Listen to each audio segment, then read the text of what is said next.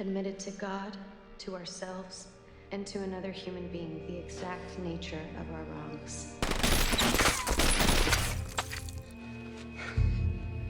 Step six. We're entirely ready to have God remove all these defects of character.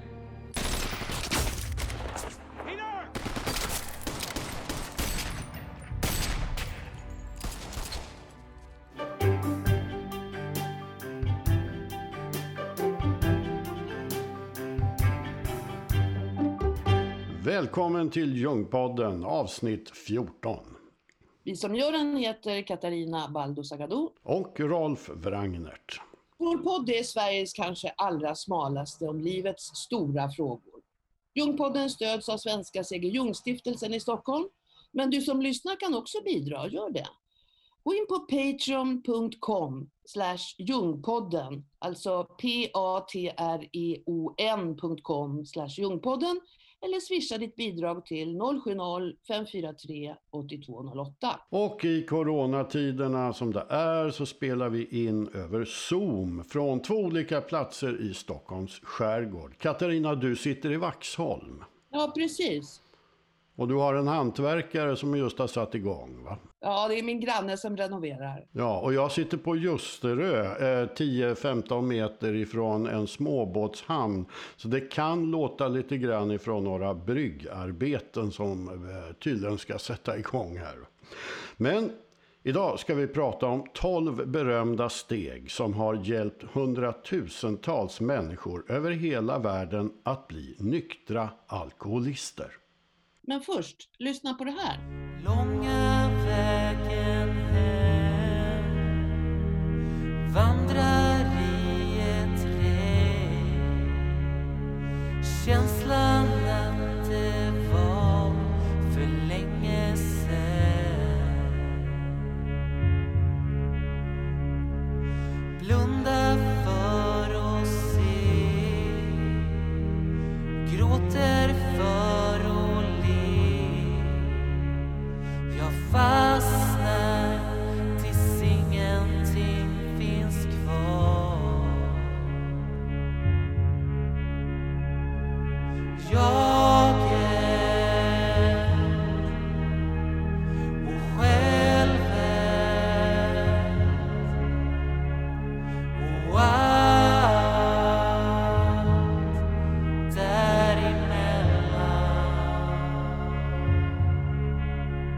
däremellan som spelar heter Tulpan och låten Jaget, självet och allt däremellan. Vi återkommer till den och upphovsmannen Jonathan Rosenberg i slutet av det här avsnittet. Ett av många exempel på sistone att Carl Gustav Jung nu dyker upp allt oftare i populärkulturen. Men vi ska ju alltså prata om de där 12 berömda stegen som har hjälpt många människor att sluta dricka. Men eh, vad kommer Jung in i bilden? Vad har Jung med anonyma alkoholister att göra? Ja, lyssna här på ett klipp ur en film med psykiatrikern och psykoanalytikern Jeffrey Satinover från 1970-talet. The patients who came to consult Jung at his house in Kusnacht varied widely, from American heiresses and the German writer Hermann Hesse to the founder of Alcoholics Anonymous. Dr. Jeffrey Satinover.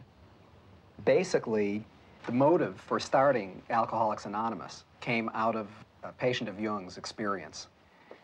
And Jung's communicating to that patient the idea that essentially he was not going to ever successfully get over his alcoholism if he did not find God. The official history of Alcoholics Anonymous traces the group's origins to Jung's diagnosis of the incurable alcoholic known only as Roland H. Jung tog emot många olika slags människor i sin praktik i schweiziska Küsnacht. I ett tidigare avsnitt av Jungpodden, nummer 11, Jung och kvinnorna, berättade vi om några av de många rika amerikanskorna. Men den tyske författaren Hermann Hesse, som fick Nobelpriset i litteratur 1946, gick som ung också i terapi hos Jung. Och det gjorde även den man som kan sägas vara upphovet till anonyma alkoholister. Han hette Roland Hazard och var en framstående amerikansk affärsman i New York. Men han var också alkoholist. Och det var därför han kom till Schweiz för att träffa Jung i början av 1930-talet. Efter en tid i terapi reste Roland H, som han har kommit att kallas i anonyma alkoholisters skrifter, hem igen. Väl där tog han återfall och var snart tillbaka i Schweiz. Det var då, vid den andra terapirundan, som Jung sa ifrån. Han kunde inte hjälpa Roland H. Spiritus kunde endast ersättas av spiritum. Hans törst för alkohol, menade Jung, kunde bara släckas med heligt vatten, med Guds närvaro. When Roland H. first arrived in his consulting room, Jung told him that unless he could find a way to a religious or spiritual experience, his addiction was incurable. You see, alcohol in Latin is spiritus, and you use the same word for the highest religious experience as well as for the most depraving poison. The helpful formula, therefore, is spiritus contra spiritum. Spiritus kontra spiritum alltså. Så vad menar Jung med det där? Här förklarar psykiatern och psykoanalytikern Jeffrey Satinover. His craving for alcohol was the equivalent on a low level of the spiritual thirst of our being for wholeness, expressed in medieval language, the union with God. What people seek in addictive experience is something which in and of itself is normal. That, that is to say, the craving is normal. The craving for certain kinds of elation, for a certain sense of specialness, for heroism, for cessation of pain. And underlying all of those, really, ultimately and, and most powerful, is the uh, seeking of a sense of meaningfulness. Jungs patient Roland H ville bli nykter och Jung hade ju sagt att han behövde bli frälst för att lyckas. Så Roland anslöt sig till en väckelserörelse som lockade många i New York på 1930-talet. Oxfordgruppen. Där fanns redan de grundprinciper som så småningom skulle utvecklas i anonyma alkoholister. Tanken att man inte kan lösa sina livsproblem på egen hand. Att människor för att få sinnesro behöver ransaka sig själva och bekänna sina tillkortakommanden för varandra. Och gottgöra dem man har gjort illa. Bland Oxfordgruppens anhängare fanns många alkoholister som blivit nyktra. Och en av dem råkade vara en gammal klasskamrat till AAs grundare Bill Wilson, som på den tiden höll på att supa ihjäl sig. Edwin T, klasskamraten, hade också varit ett hopplöst fall. De träffades och då kunde Bill Wilson se med egna ögon att det verkligen var möjligt att sluta dricka med Oxfordgruppens metod. Här berättar Bill själv i en raspig inspelning från 1950 gjord samma dag som Bill fick veta att hans partner och AAs medgrundare Dr. Bob Smith hade dött. Efter att ha bett om ursäkt för att han inte riktigt är i form börjar han berätta hur allt sammans satte igång en sommardag 1934 då han för första gången insåg att alkoholismen är en dödlig sjukdom. Please welcome Bill W. Bill.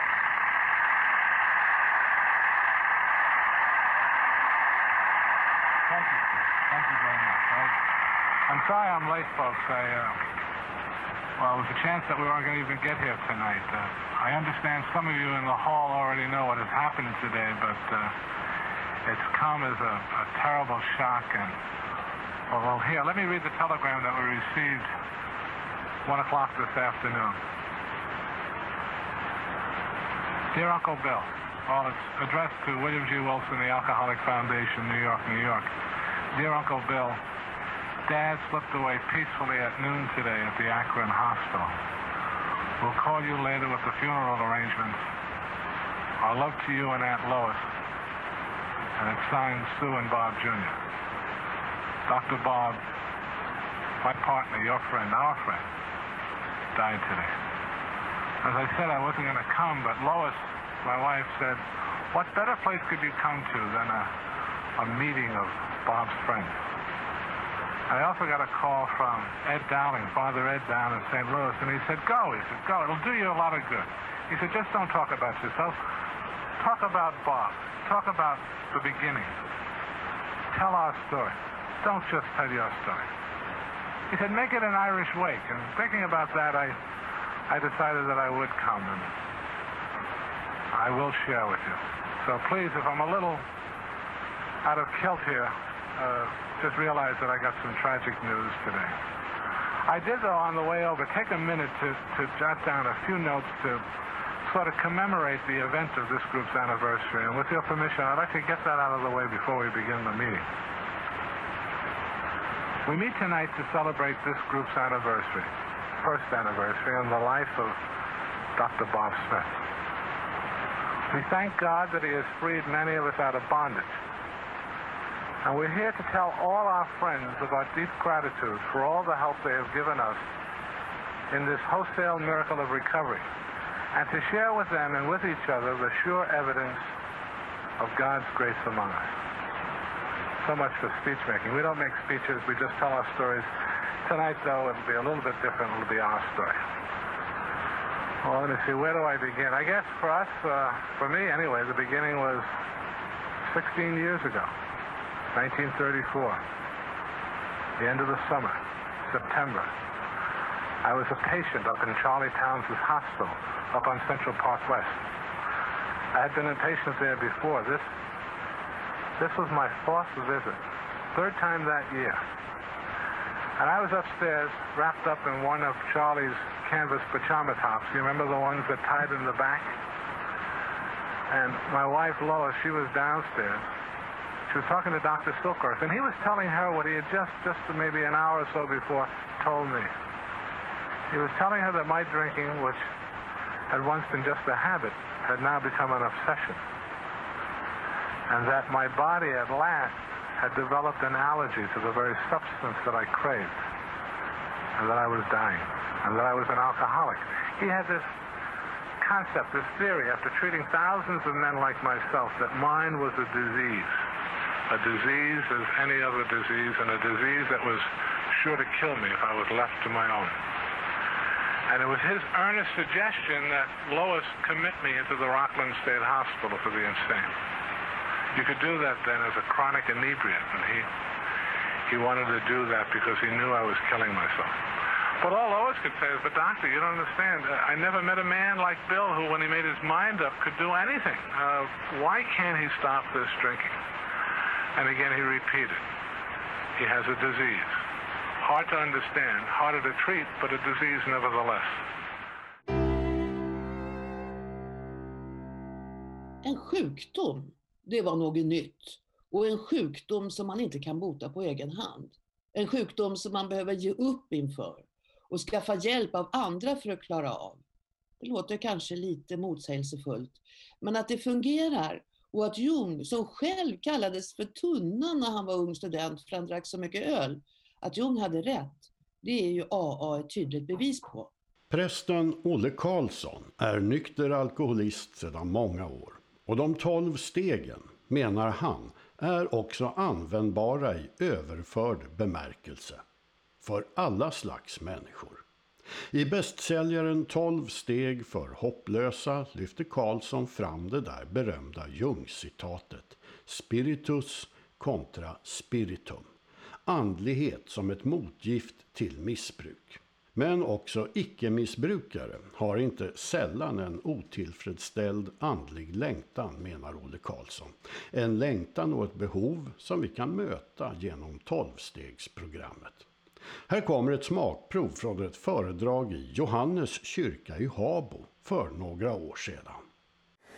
Jag har som sagt var de sista åren rest land och rike runt förutom att vara präst på Söder i Stockholm. Och eh, jag, jag, för ett par veckor sedan var jag faktiskt i, i Bankeryd så nästan lite, eh, lite pinsamt var det här. Men jag, jag vet att ni har hört det tusen men jag trodde det var uppe i Gävle jag skulle. Ni vet, ni har hört det förut. Det var så, annars hade jag aldrig vågat hit så här nära. Så, att, ja, så är det. Men, och det, det som jag har gjort det, det, det sista året väldigt mycket. Varit, varit, rest, från, rest från norr till söder faktiskt och berättat om en bok som jag skrivit som heter 12 steg för hopplösa.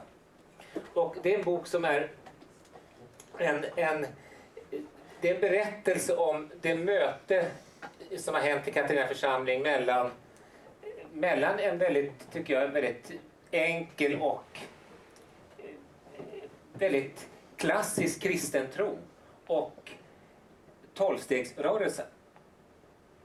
Och det mötet är någonting ganska fantastiskt. Är det, någon här som inte vet vad tolvstegsrörelsen är? Det är trestegsrörelsen, har om det? Det är, det, är bra, det är bra att du vågar säga, men, men tolvstegsrörelsen är, jag skulle påstå att det är vår tids kanske starkaste andliga väckelse eller rörelse i, i vårt land. Det är självhjälpsgrupper för olika beroenden som utgår egentligen från anonyma alkoholisters tolv steg. Men utifrån det, det sammanhanget så har det vuxit fram ett, ett stort antal självhjälpsgrupper och framför allt så är det alla anhöriga till människor i olika missbruk som genom tolvstegsrörelsen också har fått ett, ett andligt språk. Och jag har då tagit mig friheten att helt utan att fråga någon om lov och utan att egentligen ha mera rätt än någon annan. Så jag tycker ni ska också skriva en sån här bok själva. För, utan att jag har bara försökt att översätta Anonyma Alkoholisters 12 steg så att de blir tillämpbara för i princip alla normalstörda människor. Okej, okay. så låt oss dra de 12 stegen i Olle Karlssons lite förenklade och mer allmängiltiga version från den där boken 12 steg för hopplösa. Första steget, maktlöshet. Jag sätter ord på ett problem, en situation eller en händelse som jag inte kan hantera själv. Andra steget, tillit.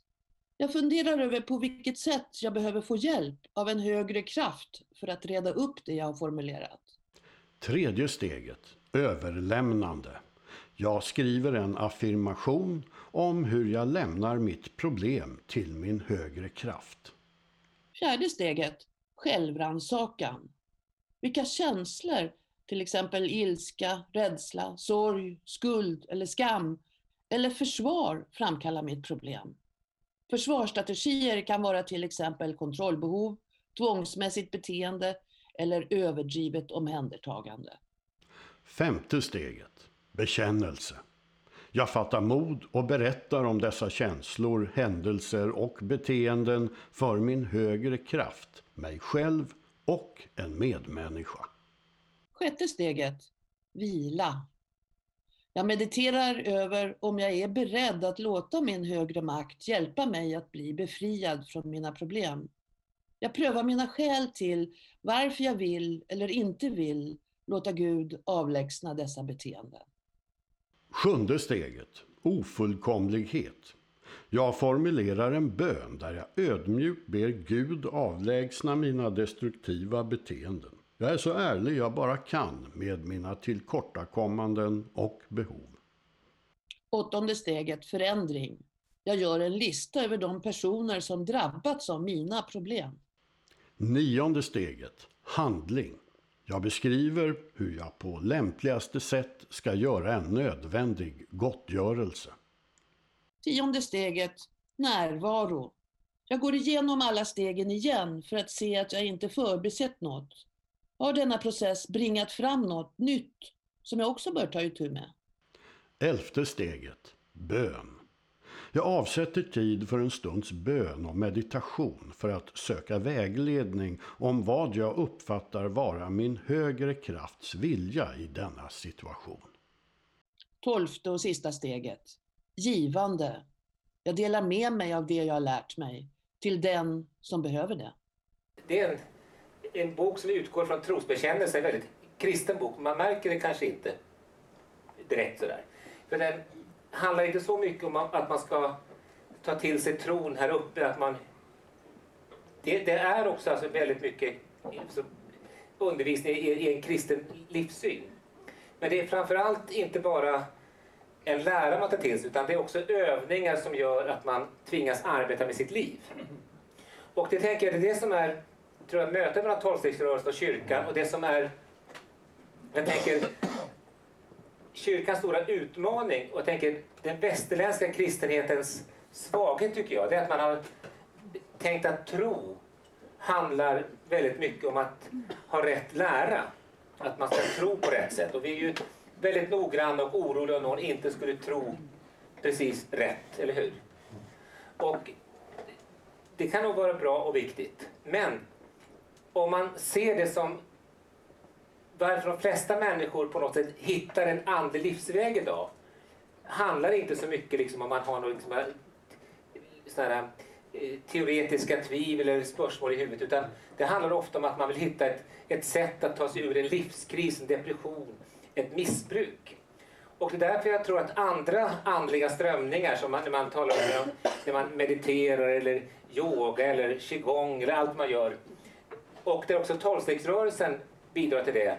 Där att hitta en tro handlar mycket mer om livsförändring, någonting som gör att mitt liv blir förändrat än att då precis liksom få eh, en tro som mer är kopplad till att vara med i en slags studiecirkel.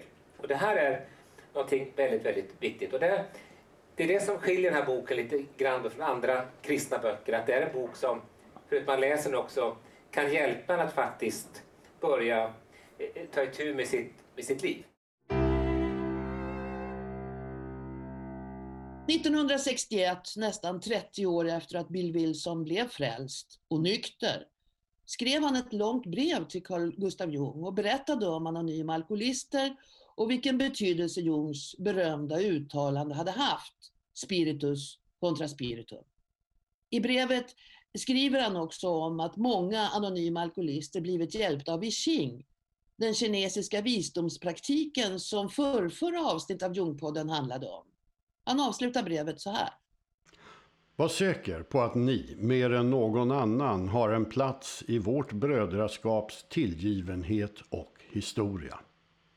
Jung var 85 år när han fick brevet och ganska krasslig. Han hade bara några månader kvar att leva. Men han skrev tillbaka till Bill Wilson att han ofta hade undrat över vad som hade hänt med Roland H. Men våra samtal som han har återberättat helt korrekt till er hade en aspekt som han inte kände till. Anledningen till att Jung inte kunde säga allt, skriver han, var att han på den tiden tyckte att han behövde vara extremt försiktig med vad han sa. Jag hade upptäckt att jag blev missförstådd på varje möjligt sätt. Alltså, när han nämnde andliga ting. Man kan få nåd, skriver Jung, genom en personlig och ärlig kontakt med vänner eller genom högre utbildning av sinnet bortom det rationellas gränser. Och jag är starkt övertygad, fortsätter Jung i sitt brev, att den onda principen som dominerar i den här världen leder det icke erkända behovet av andlighet mot fördärvet om det inte motverkas av äkta religiös insikt eller av en skyddande mur av mänsklig samvaro. En vanlig människa som inte skyddas av högre makter, som är isolerad i samhället, kan inte stå emot ondskans kraft. Men att använda sådana ord väcker så många misshagligheter att man måste undvika dem så mycket som möjligt. Jung talade klarspråk i sitt brev till Bill eftersom han uppfattade honom som en person som tillägnat sig en högre förståelse som gick bortom de vanliga plattityderna om alkoholism. Han avslutar brevet med det latinska uttrycket igen, spiritus contra spiritum. Och det var just den andliga aspekten i Jungs tänkande som den unge musikern och svenska läraren Jonathan Rosenberg fastnade för för tio år sedan. Eftersom det är coronatider så pratade vi på Skype och därför är ljudet lite burkigt. Ja, alltså jag har varit intresserad av Jung ganska länge nu. Det kom väl egentligen när jag var i 23-årsåldern kanske. Och då kom jag över en, en bok av Jung. Eh, hans den här självbiografin, Mitt liv. Ja, just det. Som jag tyckte var så, jag visste liksom ingenting om Jung då. Och jag vet inte riktigt, jag minns inte hur jag kom över den. Men jag blev väldigt fascinerad av den. Eh, Men har du gått i Jungians terapi eller? nej, det har jag aldrig gjort. Så hur kom det sig att det blev en låt om jaget och självet och allt däremellan? Ja, alltså. Jag har ju läst lite och liksom eh, de här begreppen som jag tyckte var mest... Eh, Jung har ju många spännande begrepp. Eh, men det här med jaget tycker jag är väldigt spännande med de här medvetna delarna av personligheten och hur jaget påverkas av till exempel yttervärldens krav. Och det är ju ganska konkret. Men eh, Ja, hur tänker du? Förklara lite hur du menar. Ja, jag tänker att jaget, alltså samtidigt är, man tänker att det är ganska konkret, man blir påverkad av yttervärlden. Mm. Men samtidigt är inte jaget så förståndigt som, som man vill tro. Att liksom omedvetna önskningar och impulser påverkar hur jaget handlar. Just och att det. jaget, jaget inte behöver vara medvetet om det här. Att det plötsligt kommer liksom ingivelser som är svåra att stå emot. Och då, Mm. känner- då tänker jag att det blir lite som en kamp mellan jaget och självet. Ja, nu förstår jag hur du tänker. Okej. Och allt, allt däremellan då är alltså den där kampen kan man säga? Ja, men precis. Okej. Men har du något konkret exempel när det händer dig? Ja, alltså jag började läsa Jung som sagt, det var väl, jag tror det var när jag var 23 år gammal. Och jag minns det tydligt för att det var på många sätt en eh, omvälvande upplevelse för mig. Och jag hade några liksom, kanske inte mörka, men lite tråkiga år i mitt liv. Jag hade flickvän och kompisar och lägenhet och studerade. Men kände mig samtidigt väldigt vilsen. Okej. Som om, som om allting var, var fel. Det var liksom inte en katastrofal tillvaro. Men det var inte heller bra. Den var liksom tråkig och, och själadöd. Mm. Och eh, en, av de, en av de vackraste titlarna och uttrycken jag vet, det är Rädsla urholkar själen. Just det. Och det är ett, jag tror det är ett arabiskt uttryck, men jag kom i kontakt med, med den här filmen av eh, tyska regissören Rainer Fassbinder. Har Just du det. sett den? Ja, jag har sett den men jag såg den då, du vet, när det begav sig. För länge, länge sedan. Men i alla fall en av huvudkaraktärerna i den filmen säger att, att rädsla inte är bra. För att ja, men rädsla det urholkar just själen. Mm. Jag har också hört att den korrekta formuleringen ska vara att rädsla äter själen. Och det hade också varit passande, för Mm. jag tycker det är ju så. Och jag levde lite i, i rädsla på den här tiden. Okej. Rädsla för att liksom känna att eh, lämna den här tillvaron jag då upplevde. Att jag kände att det kanske var det bästa jag kunde få. Jag kanske inte förtjänade bättre. Jag förstår. Och och då kände jag liksom att själen urholkades. Jag var inte nöjd med livet. Och det var då jag kom i kontakt med, med Jung. Vad hände då, då när du kom i kontakt med Jung? Ja, men då läste jag ju om jaget. Och sen läste jag om självet. Det här att... Eh, alltså, för Jung har väl självet två betydelser. Dels är det en fullständig utveckling av individen. Men sen är det, vad ska man säga, erfarenheter och det här andliga. Jag Jung Mm. brukar säga det transcendenta. Just det.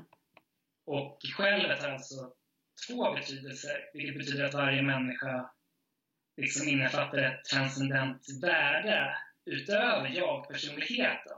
Det finns något mer helt enkelt. Ja, alltså man, ja, man kan inte Mm. förstå en människa enbart genom att närma sig henne på det personliga planet. Mm.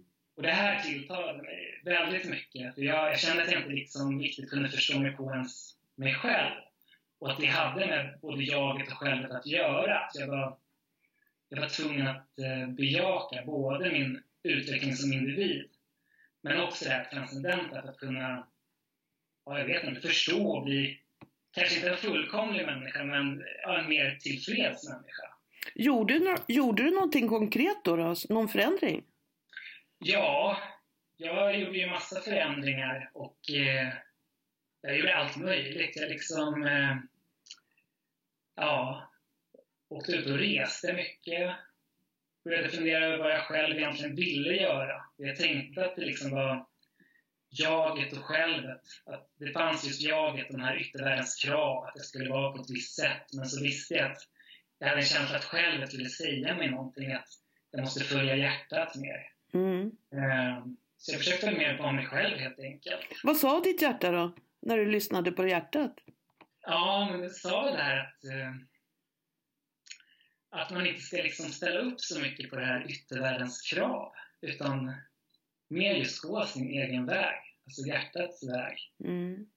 Eh, och göra det man liksom tycker är roligt. Men det är ju tio år sedan det där. Eh, och, och nu, vad gör du nu i livet? Ja, nu är jag ju färdig lärare. Jaha, du är lärare, okej. Ja, det var det jag studerade för, design, just det. Ja, jag var okej. lärare. Och så gör jag mycket musik och ja, Var är du lärare någonstans då? eh, på en musikskola Okej, som heter Kulturama. okej. Ja, men då har du väl lyssnat på ditt hjärta då? Ja, För det här musik, med musik, det måste ju vara viktigt för dig. ja, absolut. Sen är det i och för sig inte musik jag är lärare i, utan det är svenska och SO. Mm. Ja, men musik är absolut viktigt. Och jag försöker skriva lite när jag skriver musik om det. Mm. Men Du vet, det dyker ju upp nu, det har dykt upp nu på senare tid en massa signaler om Jung i populärkulturen och Mm. bland yngre personer. Ha- Har du märkt det också? Ja, men verkligen. Jag tycker Jung har en ny... Han har uppmärksammats mer och mer. Vad tror du det beror på? Jag tror det har att göra med... Alltså de... eh, Jag tänker mycket att det här med Freud, att många tycker vill gå liksom... eh, Har tröttnat lite på Freuds teorier och... Alltså förr i tiden har jag i alla fall fått intrycket av att man uppfattade Jung som ganska flummig. Mm. Så, är det fortfar- så är det fortfarande faktiskt om du utbildar dig inom psykologin och sådär så finns inte Jung med som någon stor eh, liksom person som du ska läsa och studera. Oftast inte, inte i Sverige i alla fall. Nej men precis, det är lite det jag har hört också från vänner som har studerat psykologi. Jung är liksom, eh, man pratar knappt om honom. Nej. Och det är för att Jung, tänker jag, är så okonkret. Att man vill att det ska vara tydligt. Men livet är ju inte så tydligt. Och det tror jag mer, och- mer och mer människor känner. Att tillvaron är liksom inte matematik eller NO. Utan det är mer, ja men, man går mot det spirituella, det andliga. Ja, just det. Jung tar upp mycket drömmar. och så vidare. Mm. Man, han, ett, ett tag så verkade han liksom gammaldags. Men nu har han plötsligt verkat som långt före sin tid igen. Som Mm. det var ungefär på 70-talet. Då tyckte vi också att oj vad han var före sin tid. Sen föll han ner i glömska igen. Men nu är han på väg tillbaka. Mm.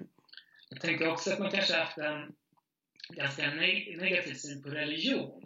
Mm. Och eh, Jung har ju emellanåt en ganska öppen syn på religion. Och att det är också något som liksom belyses i samhället. Att vi är inte speciellt religiösa i Sverige, eller kanske liksom globalt heller, i vissa länder åtminstone. Men just det här med andlighet är någonting som eh, det pratas ändå mycket om. Tulpan består alltså av Jonathan Rosenberg och hans kompis Mattias Hidemo. Låten Jaget, Självet och allt däremellan finns på Spotify. Och i nästa avsnitt av Jungpodden tar vi upp ett aktuellt ämne. Hur välgörande det kan vara att ha långtråkigt. Missa inte det. Gå in och prenumerera på Jungpodden på iTunes eller Youtube eller Soundcloud. Jungpodden finns också på Facebook. Vi hörs! Vi hörs!